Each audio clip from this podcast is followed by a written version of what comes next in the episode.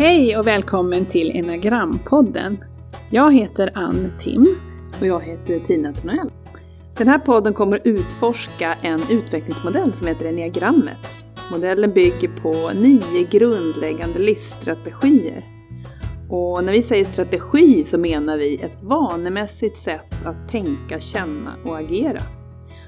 Och att alla människor har en av de här nio som är starkare, mer dominant. Modellen, enneagrammet, är en hjälp till att förstå sig själv, utveckla sin självinsikt och också att utvecklas. Och inte minst att även förstå andra människor. Så tanken med podden, det är att vi vill sprida den här kunskapen som enneagrammet ger, så att fler människor får ökad självinsikt. Och vi vill sprida på det sättet att vi kommer intervjua människor som har de här olika strategierna. Vi kommer intervjua kunder och ta upp lite andra ämnen som hör ihop med enagrammet. Så eh, välkommen att hänga med! Välkommen till tredje avsnittet av Enneagrampodden. Den här gången kommer vi att prata om ettans strategi.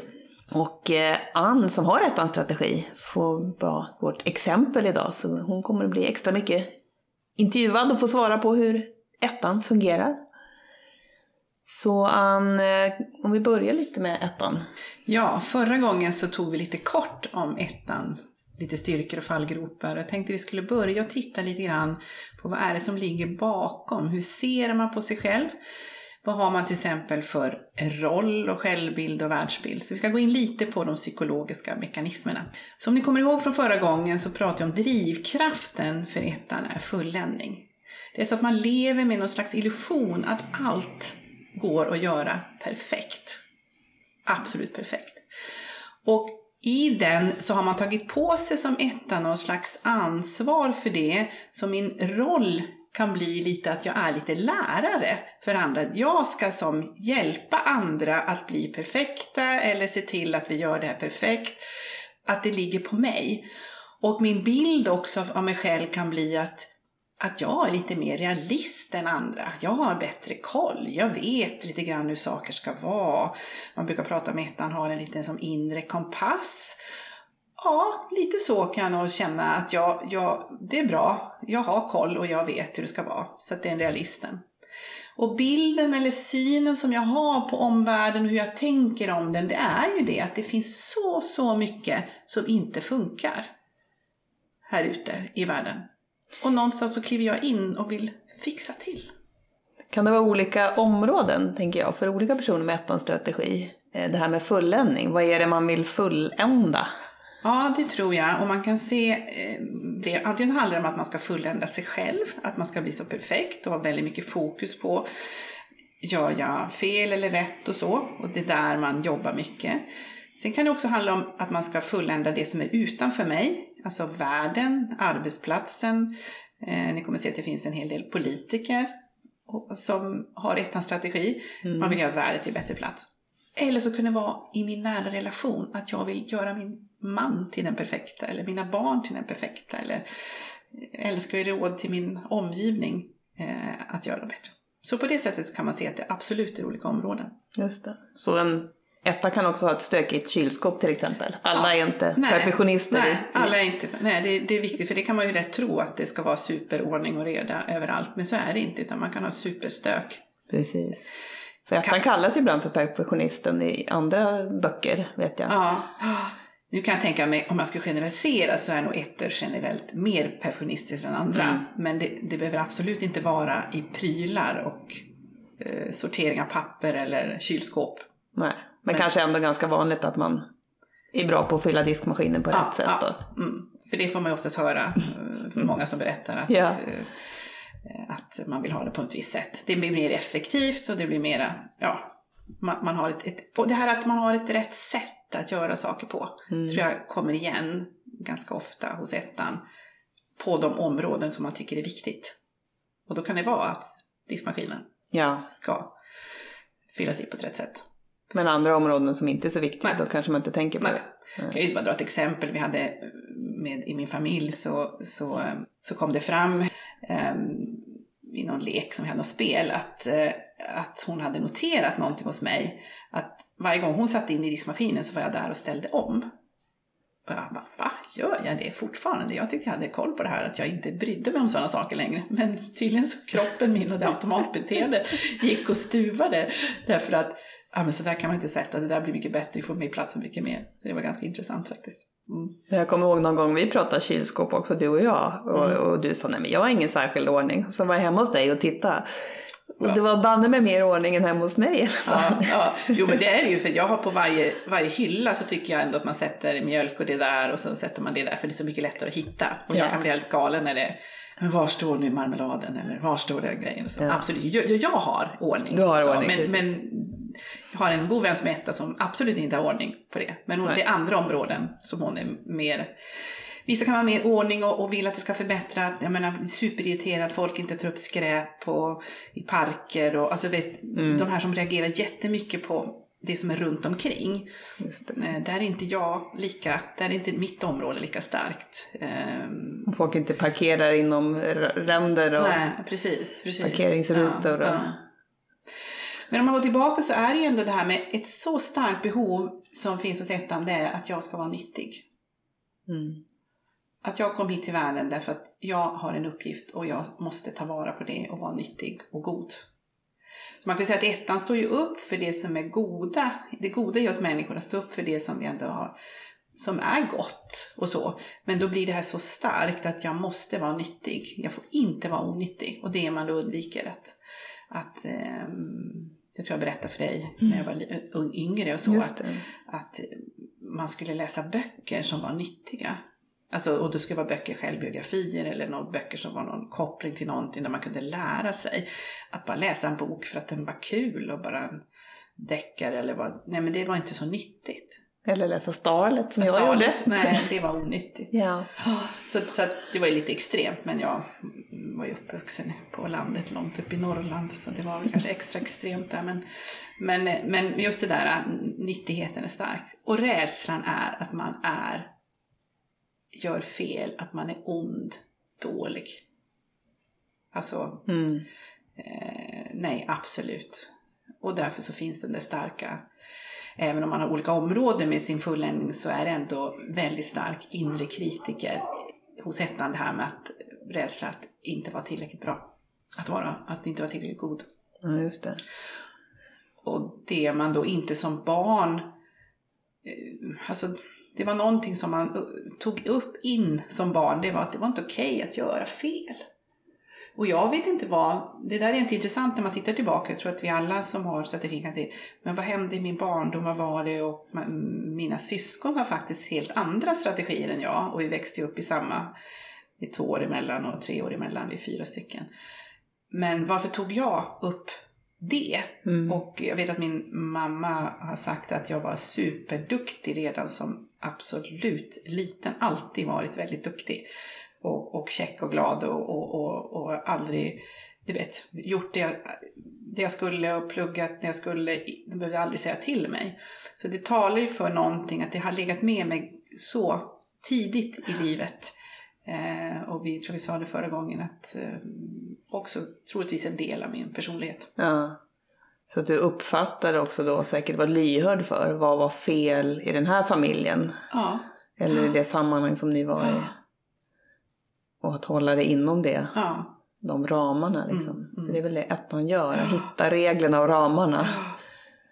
Och eh, också vad, vad, för att vi gör ju det här för att få uppmärksamhet.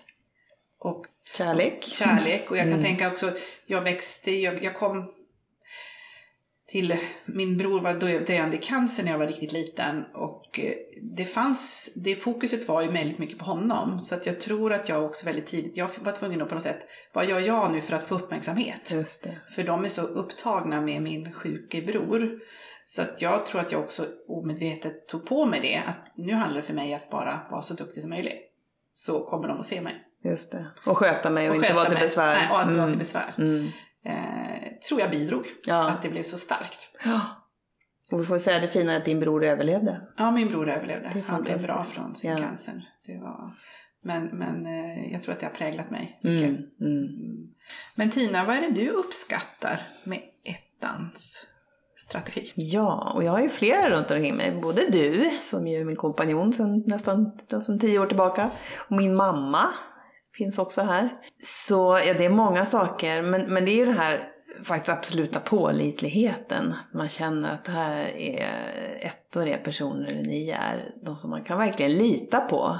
Att ni är så bra på att tänka liksom strukturerat och ja, ha en slags metodik i huvudet för hur man lägger upp saker. Och, som jag med min virriga hjärna kan vara avundsjuk på. Att eh, det finns en tydlig koll som är jättebehaglig och som man kan luta sig mot. Och också att den kommer ihåg. Ja men vänta, det där var bra som vi gjorde den där gången mellan dig och mig. Att du kommer ihåg grejer. Så vänta, vi gjorde det på det där sättet för tre månader sedan. Var inte det bra? Ehm, att lyfta det som har varit bra och ta fram det igen. Därför att man har en slags minne och struktur, vad jag förstår, i hjärnan som är jättebra. Och sen eh, ja, men den här totala hängivenheten till det ni gör ettor. Alltså, ettor tror jag oftast jobbar med någonting som de verkligen tycker är viktigt och brinner mm. för. Mm. Och då är man ju också verkligen hängiven och tar till sig och intresserar sig för sitt ämne och ägnar åt sig åt det på fritiden och läser på och vill liksom verkligen ge allt. Så um, ja, noggrannhet, koll på läget. Person man kan lita på att de finns där också. Tänker jag, om du ska ta till, till min mamma som visserligen har bott i ett annat land större delen av mitt liv men jag har ändå alltid vetat att hon finns där om jag behöver henne. Och hon har aldrig försvunnit iväg. Utan man är där. Man brukar ha ett, ett brukar säga när vi pratar ett, ett engelskt uttag, walk, walk to talk. Ja, att har man sagt det, det, ska vara trovärdigt, att det man säger ska man också göra. Mm. Så att man är så rädd att lova för mycket och så kan man inte fullfölja det. Det är som att det ligger så djupt. Har jag tänkt att jag, eller sagt att jag ska ringa den här personen så försvinner inte det från Nej. mitt huvud. Man, man, man vill vara trovärdig där. Ja. Pålitlig som du säger. Mm. Ja, och det här att viljan också att att offra sig på något sätt för en god sak. Mm. Att den här idealismen, att ja, men, min tid är... Jag lägger den gärna på det som är nyttigt, som ger någonting för andra. För det finns ju många här också som, och det, gör ju vi i vårt arbete också. Mm. Mm. Så det gör ju du med. Men det finns många andra exempel på med folk med strategi som är politiker som vi sa, eller olika världsförbättrare som är så mån om att nå fram med sitt budskap så man är verkligen villig att lägga all sin tid och energi på det här som man tycker är så viktigt. Mm, mm. Um, och sen så finns det ju en, en, disciplin som man kan bli avundsjuk på också. Har man bestämt sig för att göra något, om det är träna eller någonting annat tråkigt så man tar tag i tråkiga saker mm. och bara gör det, liksom kör. Därför att det måste göras. Och då är det liksom inte att fundera på om man känner för det eller inte utan det gör man bara. Mm. Och det kan ju säkert vara en nackdel ibland Absolut. men det är definitivt en, en, fördel också. Verkligen för det mm. behövs ju. Mm. Så ja, men strävan efter kvalitet också. Man vill liksom att saker ska bli så bra det bara går. Och hela tiden se att ja, men vänta, om vi skruvar lite här och putsar lite där och så kan det liksom bli ännu bättre. Vi gör ju sällan två workshoppar som ser exakt likadana ut. Jag tänker på vår kombination där, du som har sjuan också. Vill ha omväxling. Vill omväxling ja. och sen så, ja, de att vill skruva och göra det lite bättre och så. så. Nej, men det, är också, det blir ju att det utvecklas ju också. Det gör det ju, det absolut. Som, men ibland kan vi bli irriterade på oss själva att, ah, kan vi inte bara köra? Ja, vi kan lägga lite för mycket tid på mm. produktion eller förberedelse. Förberedelse, mm. ja. Man hade kunnat gjort likadant, exakt ja. likadant som en annan gång. Stämmer. Men har man kommit på något som är lite bättre så är det för dig också. Då mm. vill man ju använda det. Mm. Annars känns det ju konstigt. Och sen kanske man nästa gång går tillbaka till något annat som man upptäckte. Det var nog lite bättre med det här vi hade innan ändå. Om vi, om vi kanske nämner lite personer då. Vi, vi har ju med i boken eh, och eh, lite kända människor som vi tror har. Och vi nämnde tror jag förra gången eh, några. Och vi har sagt politiker. Mm. kanske kan ta lite exempel. Ja, lite, lite politiker. politiker som vi tror. Eh, en som vi har tänkt på som är före detta politiker, eller han är- Ja. fortfarande Jan Björklund. Han är inte där. Han Som var, han slutat ja, men han var skolminister. Mm. Och eh, hade egna idéer om hur det skulle, det man skulle göra. Och eh, var väldigt stark i sin, det han drev. Men just det där att man, som du säger, man brinner för någonting väldigt, alltså man, man jobbar med någonting som man ändå tror på eller fyller någonting. Det tror jag man kan säga att ettan, det är viktigt att känna att man gör någonting som, som känns rätt eller som känns gott eller så va. Men, Mm. men eh, när man då kommer till det, det som blir för mycket då så, så har man ju inte är så flexibel utan kan driva på en sak utan att tänka på Björklund. Ja. eh, Som kanske går emot forskning andra och andra. Mm. Mm. Och, eh, men man är så övertygad om sin egen sak. Eh, att det här är rätt. Just det. Mm.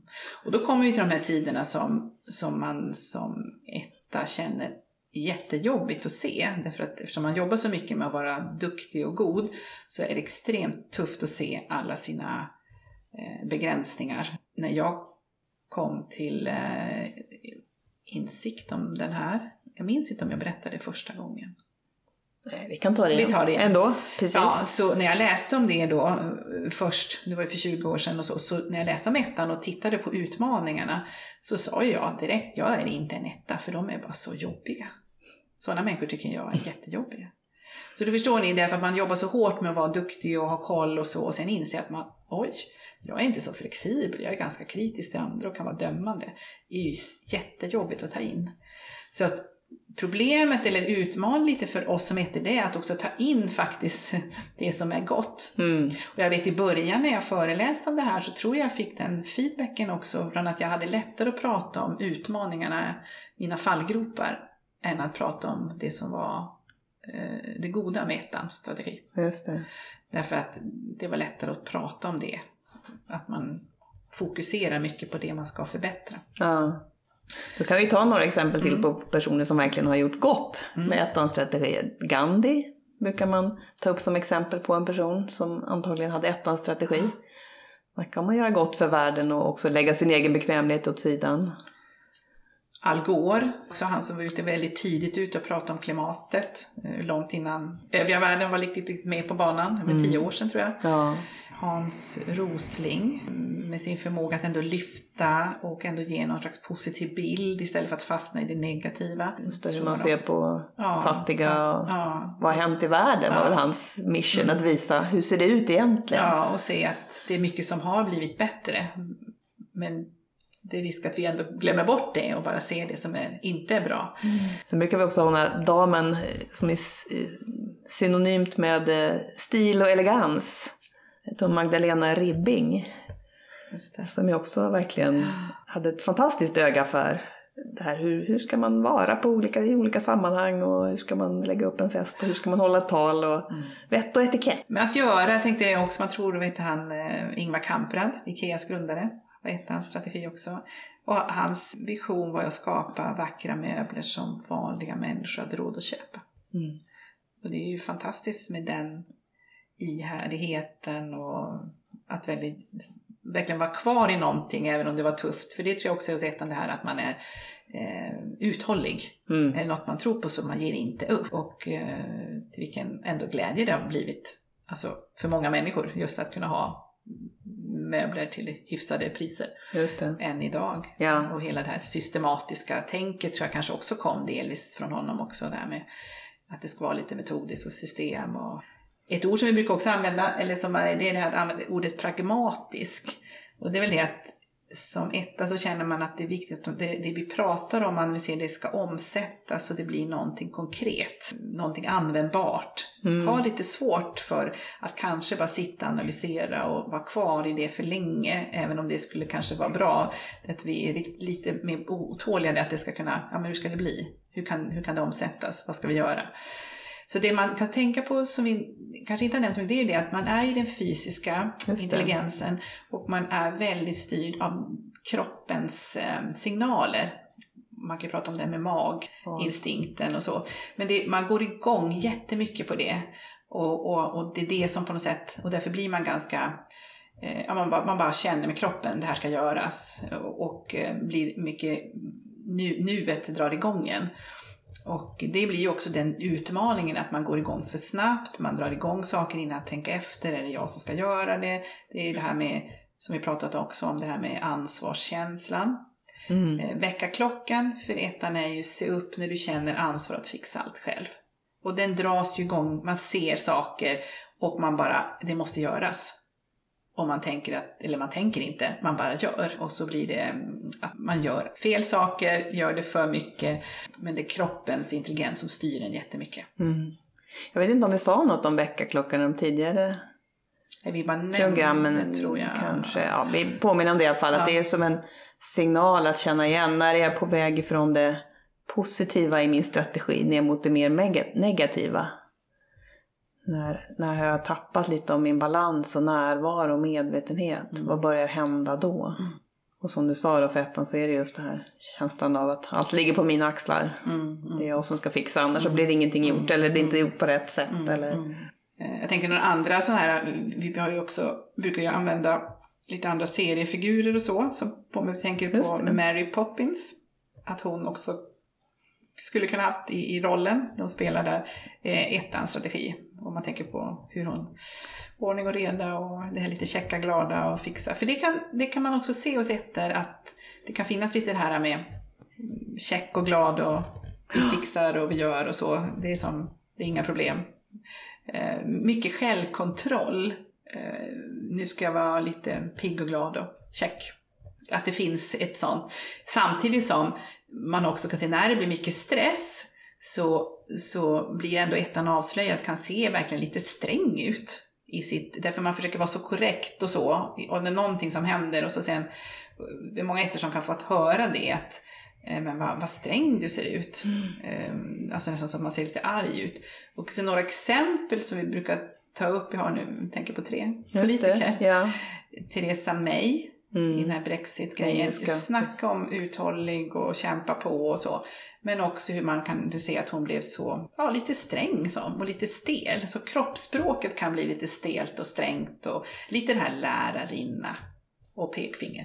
Och är det Så. att man försöker hålla tillbaka någon Man håller tillbaka. vrede som man egentligen ja, känner? man är ganska upprörd Mm. och så ska man hålla ihop sig och kontrollera sig och så blir det lite stelt. Det var samma sak man sa om Hillary Clinton och Anna Kinberg Batra. När de sen gjorde sitt avskedstal kan man säga så sa ju alla tänk om de hade pratat så då eller varit så avslappnade. Wow, vilket vad bra det hade varit. Ja, för att då var de så, då var de sig själva Det igen. var sig själva istället Ja. för att nu ska jag tänka att inte jag fel och, och, och hålla tillbaka och vara perfekt och så. Mm. Så att det där perfekta tänket som man har inom sig kan ju göra att det också syns i kroppen.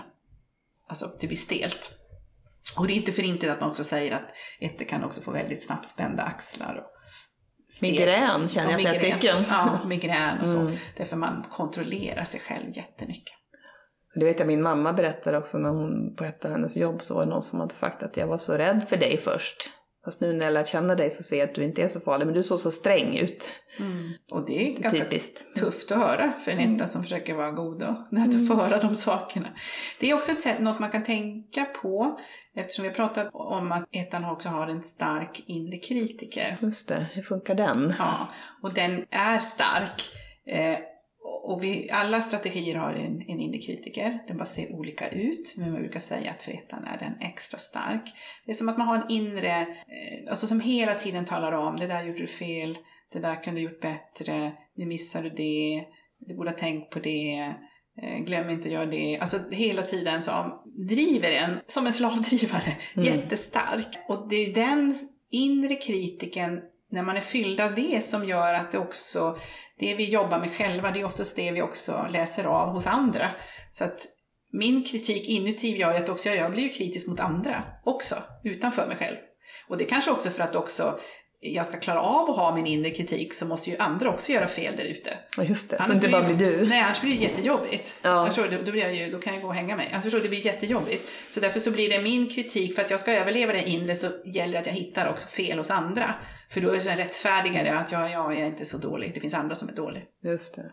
Så det tror jag är, och därför kan ju då man uppleva att man är kritisk och lite dömande mot andra. Men det är för att man själv har så mycket inom sig. Andra saker då kring ettans utmaningar när man komma ner i lite mer obalans? Det är det här perfektionistiska som jag pratade om som kanske inte då alltid handlar om prylar som ligger i ordning och så, utan också det här att man vill ha det på ett visst sätt. Jag brukar ta exempel för mig, till exempel om jag ska ha en middagsbjudning eller någonting så tycker jag det är jätteroligt att tänka ut och vem ska sitta med vem och vilka, för jag vill ju att det ska bli bra samtal. Jag Mm. vill att, det är viktigt för mig eftersom jag har det drivet även socialt, att vi ska också prata om bra saker som hjälper oss Ja, och lite nyttigt där med. Ja, absolut. Ja. Och då kanske jag tänkte ut att ja, men den personen ska sitta bredvid den och den och så sen försökte jag som en tanke på det. Och sen så om jag kommer då, när middagen börjar och så märker jag att det är alldeles dött i ena hörnet. Och då kan det ju bli att jag börjar tänka, men Ann, jo, tänkte du rätt där? Varför satte du bredvid han bredvid henne? Det där var ju helt korkat gjort av dig.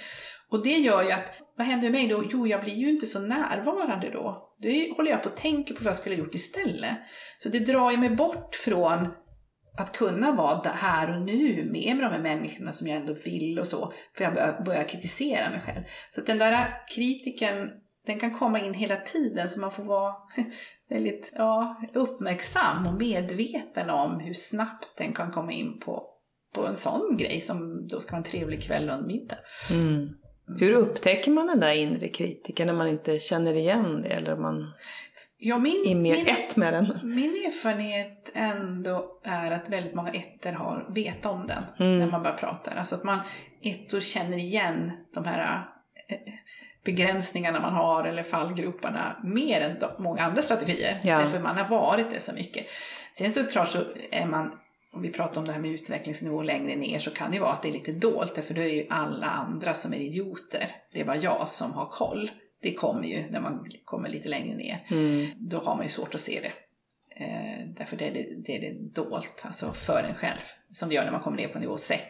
Alltså I de här utvecklingsnivåerna? Ja, då, ja då, är man, då är det det. Eh, men jag skulle nog generellt säga att många ettor är väldigt medvetna om den inre kritiken. Mm. De kan säga, ja absolut kan de säga. Jag känner igen det.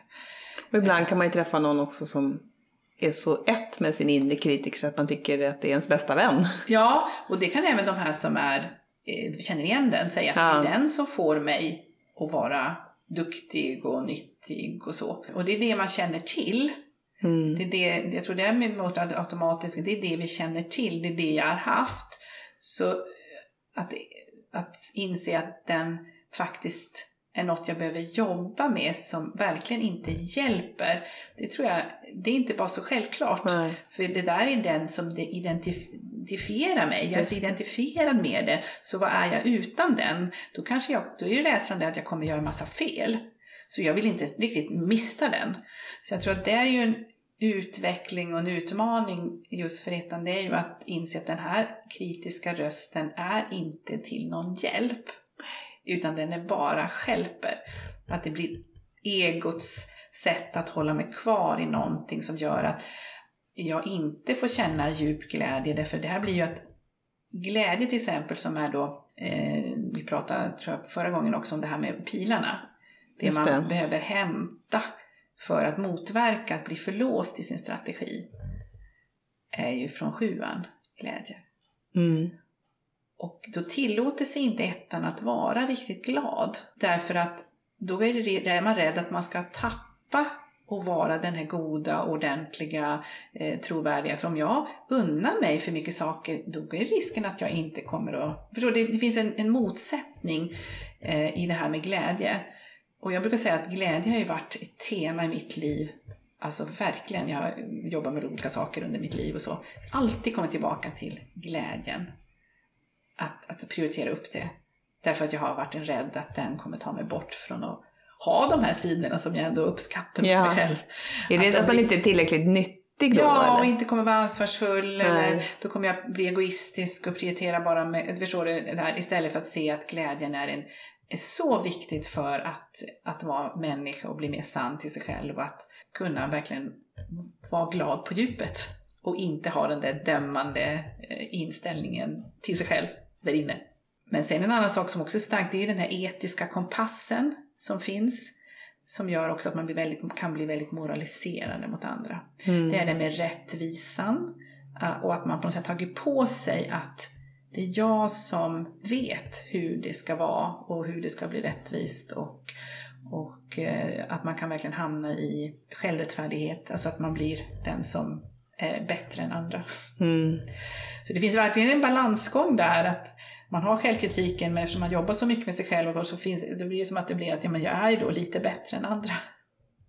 Just det, för att jag har ju fixat det här Jag med mig själv, jag, jag, mina jag har ju fel. koll på mig själv och jag vet det här. Och, medan det är så många andra där ute som inte verkar ha koll på sig själv och så. Att jag är lite för mer än Just andra. Jättejobbig insikt. För vi brukar säga att det finns en del ettor som, som mer ser sig själv som en förebild. Som Ja, verkligen försöker ja. göra rätt och liksom se på mig. Mm. Jag vet hur man kör bil eller Ja. hur man, ja, vad det nu kan vara. Tänk om alla såg på mig och tittade och Mm. lärde mig. Och, och, och, så det, det är verkligen... eh, Vi har haft diskussioner till och med om hur man viker ihop en papperspåse. Ja, precis. på någon Någon workshop vi hade. En kvinna som var övertygad om att hon hade det bästa sättet. Ja, Just det här med sortering och, och göra det på rätt sätt och kan bli jättestörd om inte folk gör det. Alltså det kan bli verkligen vissa områden och du, man, man blir nästan så här eh, nitisk och eh, det finns något uttryck. Ja, polis. rigidet. Ja, ja. Lite Ove, den här li- boken som kom. det är, bra. Det är ett bra Film- exempel. Filmen, och filmen. Ove. Där kan man ju se en som störde sig på allt möjligt och, och, och tog på sig ett ansvar om hur folk parkerade bilarna. Och, ja, Verkligen. möjligt. Hela området, jag gick väl omkring med någon morgonrunda där varje Ja, dag och kollade ja, att allting ja, så, liksom ja. var, såg rätt ut i radhusområdet.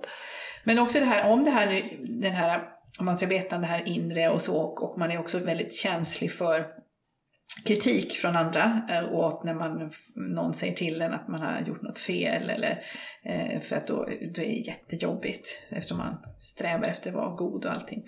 Då kan man se också här att man glider ner i den här stresspilen till fyran, individualisten.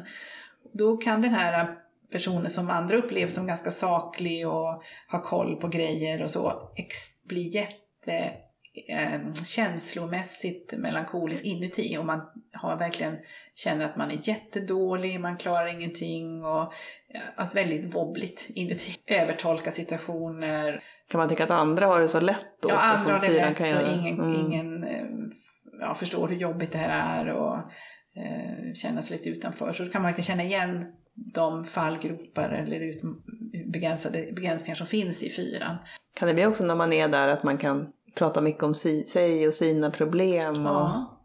eh, kanske använda omgivningen lite som terapeuter? Att man vill... Det skulle nog kunna vara, men om jag skulle generalisera ändå, om jag ser till mig själv så är det Ja. att, att Jag tänker på eh, andra fyra. Ja, andra, Eller andra ettor, Andra förlåt. ettor, Mm. absolut, absolut. Det kan man säga. Det, det, kommer in också det här med, med flyglar. Jag har ju haft och känner igen mycket i tvåan. Att jag Just har det. mycket av tvåan. Så där blir det kanske på lite annat sätt Ja. också. Jo, men ett utanförskap kan ju komma då med tanke på att jag vill ju vara en del också i, i, i, människors liv. Jag vill ju vara den Mm. viktiga personen eftersom jag har det, det starkt hos mig i, i relationer. Eh, och eh, har fått jobba med det mycket, att, att släppa därför att, och att känna att jag, det är inte där min, mitt värde ligger. Just det, så det var lite tvåans flygel. Flygel. Och där blir det lite olika om man har flygel mer till nian. Mm. Då eh, har man ju lite mer av nians också. Acceptans, tolerans. Kanske inte utåt verka lika dömande. Eh, lite mer snäll, check. Kanske lite mer tålamod också. Lite lugnare energi överhuvudtaget. Eh, med ettan med, Mm. med nia flygeln. Och med tvåan blir det mer Ja, lite mer kraftfull. Och, kraftfull och till relationer och man Mm. eh, lite mer interagerar mer med andra. Och jag tror också att det är där man är mer känslig och det är där man också vill förbättra. I, relationer. I relationer, ja just det. ja. Att de blir ett område Ja. som är, just det. Som är, Som är jätteviktigt. Jätteviktigt. Och, men du, du berätta om din man när du träffade honom? Tycker jag Ja. att han var också en sån liten degklump. Ja, ja, för det första så hade jag ju också, alltså faktiskt hade jag väldigt bra koll på vad det var för man jag skulle träffa. Ah, du hade en dröm. Jag hade en man. bild av Ja. hur det skulle vara. Och så därför träffade jag min man och vi var kompisar i några år. Men han var inte rätt, därför han stämde inte med den här bilden. Nej. Vad var en rätt man för mig? Ja. Så, så jag märkte inte att jag hade inte koll riktigt på vad det var som jag drogs till. Alltså, Mm. det gick upp som ett ljus att jag var faktiskt jätteintresserad av honom. Det var jättemärkligt i början. Men sen så när det väl började och när vi hade så här så var det ju det att han var ju, blev ju verkligen det här som du säger, en, ett förbättringsprojekt. Ja. Jag kunde samtidigt säga det där ska jag förbättra, det där och det där. Men så, Du såg liksom ja, jag såg vad han skulle kunna utvecklas till. utvecklas till. Sen så mätte jag min, min överman. Nej men han, min man har åtta strategi. Ganska ändå tydlig med vad han tycker och vill och så. Så det är klart att det var inte så enkelt. Nej, han var Men, inte någon eh, som bara ville bli men- omgjord. Omgjord och så. Men eh, det har varit väldigt utvecklande för oss båda. Just för att han är så, ja kontrasten där med att han är så obrydd. Och inte perfektionistisk på det sättet alls. Utan går med på vad han känner och, och så. va. Och, eh, så det har varit extremt utvecklande. Mm. Tacksam att... Att han inte lät sig. Nej, precis. Att han inte var någon som gick att göra om. Nej, nej. En sista grej om det här med ettans utmaningar, Ann. Eh, man har ju ändå en tendens att tycka att man har rätt. Vad, vad tycker du typiskt att du stör dig på? Ja, det jag stör mig på, det kan man väl säga, det är väl motsatsen till mina styrkor. I vissa sammanhang så pratar man också om att man har en allergi, något som man verkligen går igång på hos andra. Och det är ju framförallt det här med ansvarslöshet. Mm. Att folk inte har, tar ansvar för när vi har, bestämt någonting och man kommer tillbaka till nästa möte och sen så, så bör ju alla ha gjort det vi har bestämt och så visar det sig ja, några har inte gjort och inte ens talat om innan. Det stör mig jättemycket. Nej, för det skulle en person med ettans strategi Ja. aldrig göra. Nej. Nej. Och det där att inte heller ha koll som, det kan ju vara jag och min man, jag tror vi hade uppe det för, förra helgen vi pratade om det här. Att han kan ju vara så lite som, jag har ju koll ändå, även om vi inte nu för tiden har fullbokat alla helger och så, försöker ha mycket mer luckor och så. Men, men så, så är det ändå om två veckor har vi det eller någonting där. Så kan han säga, va? Du har kalendern det? i huvudet. Ja, kalendern. Va? Har vi det nästa helg? Har du inte koll på det? Det är ju våra barns födelse. Förstår du? Det- Jag kan bli så... Men hur kan du inte ha koll?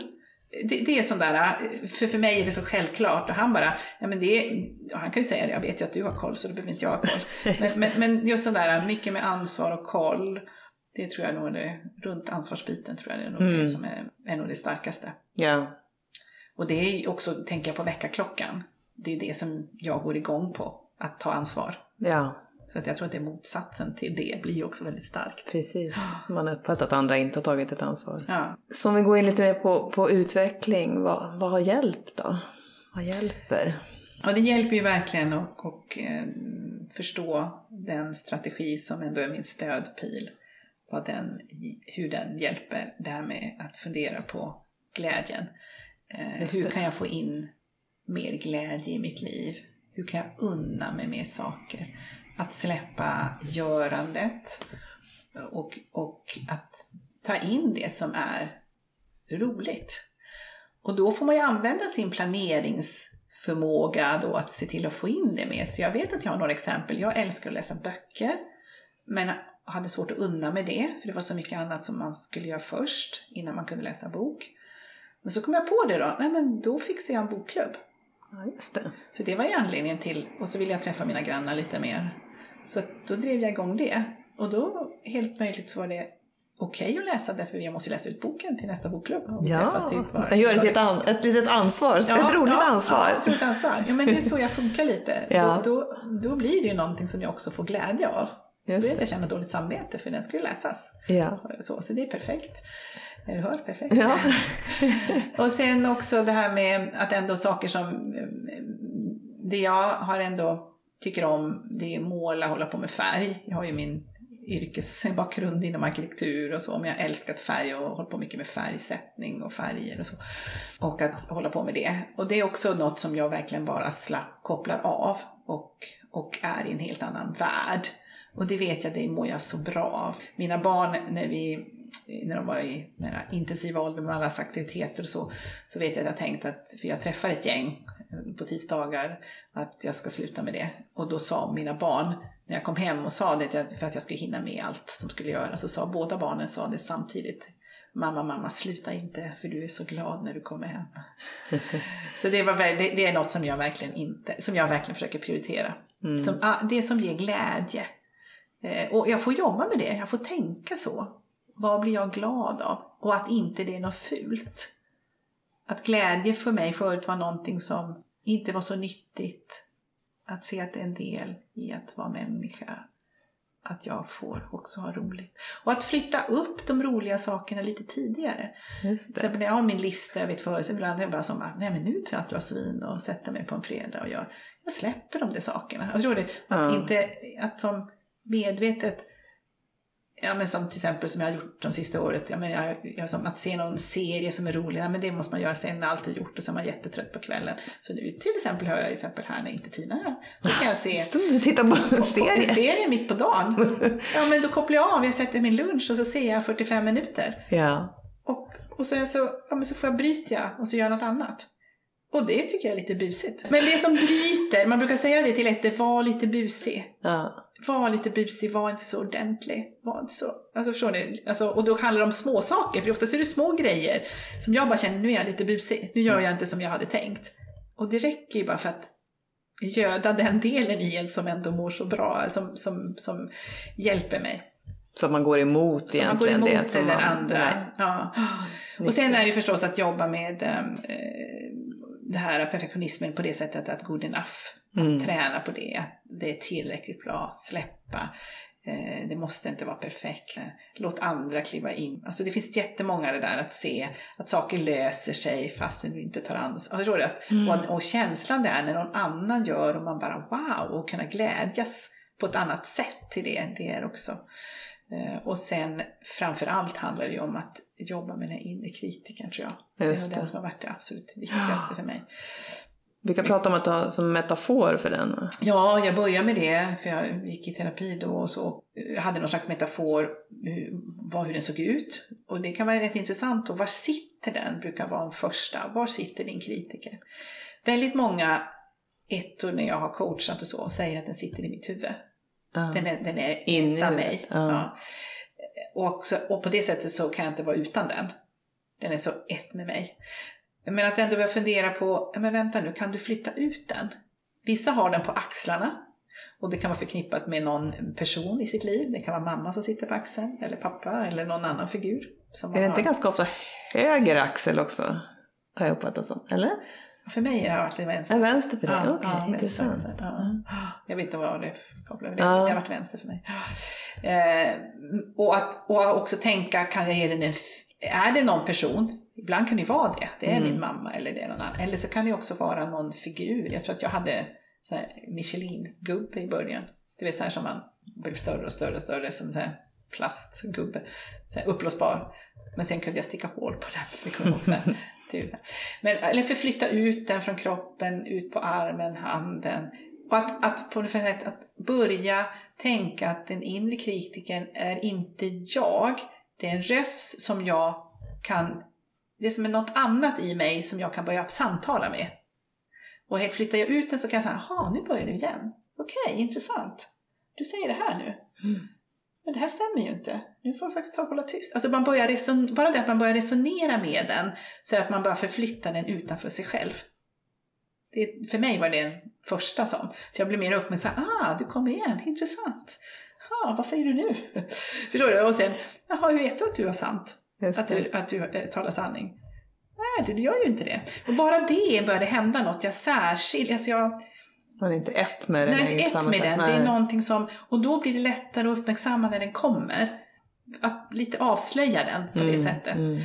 Eh, och sen får man ju jobba, ofta så ligger ju den där kopplad med saker i ens uppväxt och så. Som, det finns ju mycket saker som gör att den är extra stark och vad den symboliserar. Och, Man brukar väl Eh, säga att den inre kritiken är någon slags ansamling av alla Som består av röster som har sagt åt Martin en under föräldrar, lärare, Sammanhang. Sammanhang man har varit i också. Som, som man har uppfattat, så här ska man vara i det Ja. sammanhanget för att eh, vara god. Jag är ju uppvuxen i en ganska lite snävt kyrkligt sammanhang eller så, Mm.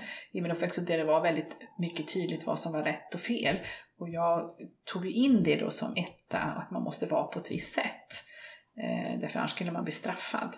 Så att det gjorde att det blev extra starkt för mig. Mm. Så det har väldigt mycket med min det blir de Faktiskt reglerna nästan också. mer det än min familj. Mm. Som var det, det sammanhang jag var i som liten som blev så. Som blev så, att den här inre kritiken blev så stark. För det var en rädsla för att, att jag inte skulle vara med. Att, Gud blir arg ja, också ja, och på att en jag kanske. skulle hamna i helvetet. Mm. Om man nu ska verkligen, Ja. det var verkligen så. Ja. Det var väldigt svart och vitt. Och det var en jätterädsla. Jag var ju jätterädd för att somna och, inte ha gjort upp med min familj och mina syskon. Ja. Och det var något jag hade gjort fel och så somnade jag och sen skulle något hända. Och jag skulle Du skulle få straffet då? Ja. Mm. Så där var ju väldigt mycket min uppväxt. Alltså i sammanhanget. Så själv, självkritiken och sen den här det andra saken också att ac- acceptansen. Att kunna, eh, så här är det nu eh, och acceptera verkligheten och, och träna på att följa med istället för att det där att det måste vara på ett visst sätt. Att släppa det är lite förväntningar. Ta, ta det som det kommer. Mm. Accept, acceptera. Bara gilla läget. Gilla läget, Mm. det här är så bra det kan bli. Eh, och sla, och rela, slapp, slappna, av. Slappna av. Mm. Det är det. Att, att, och det hämtar man ju också, att, att, slappna av. Eh, man brukar säga att ettor är som bäst när de är på semester eller, Ja, eller åker iväg därför att då helt plötsligt så har man inga måsten och borden.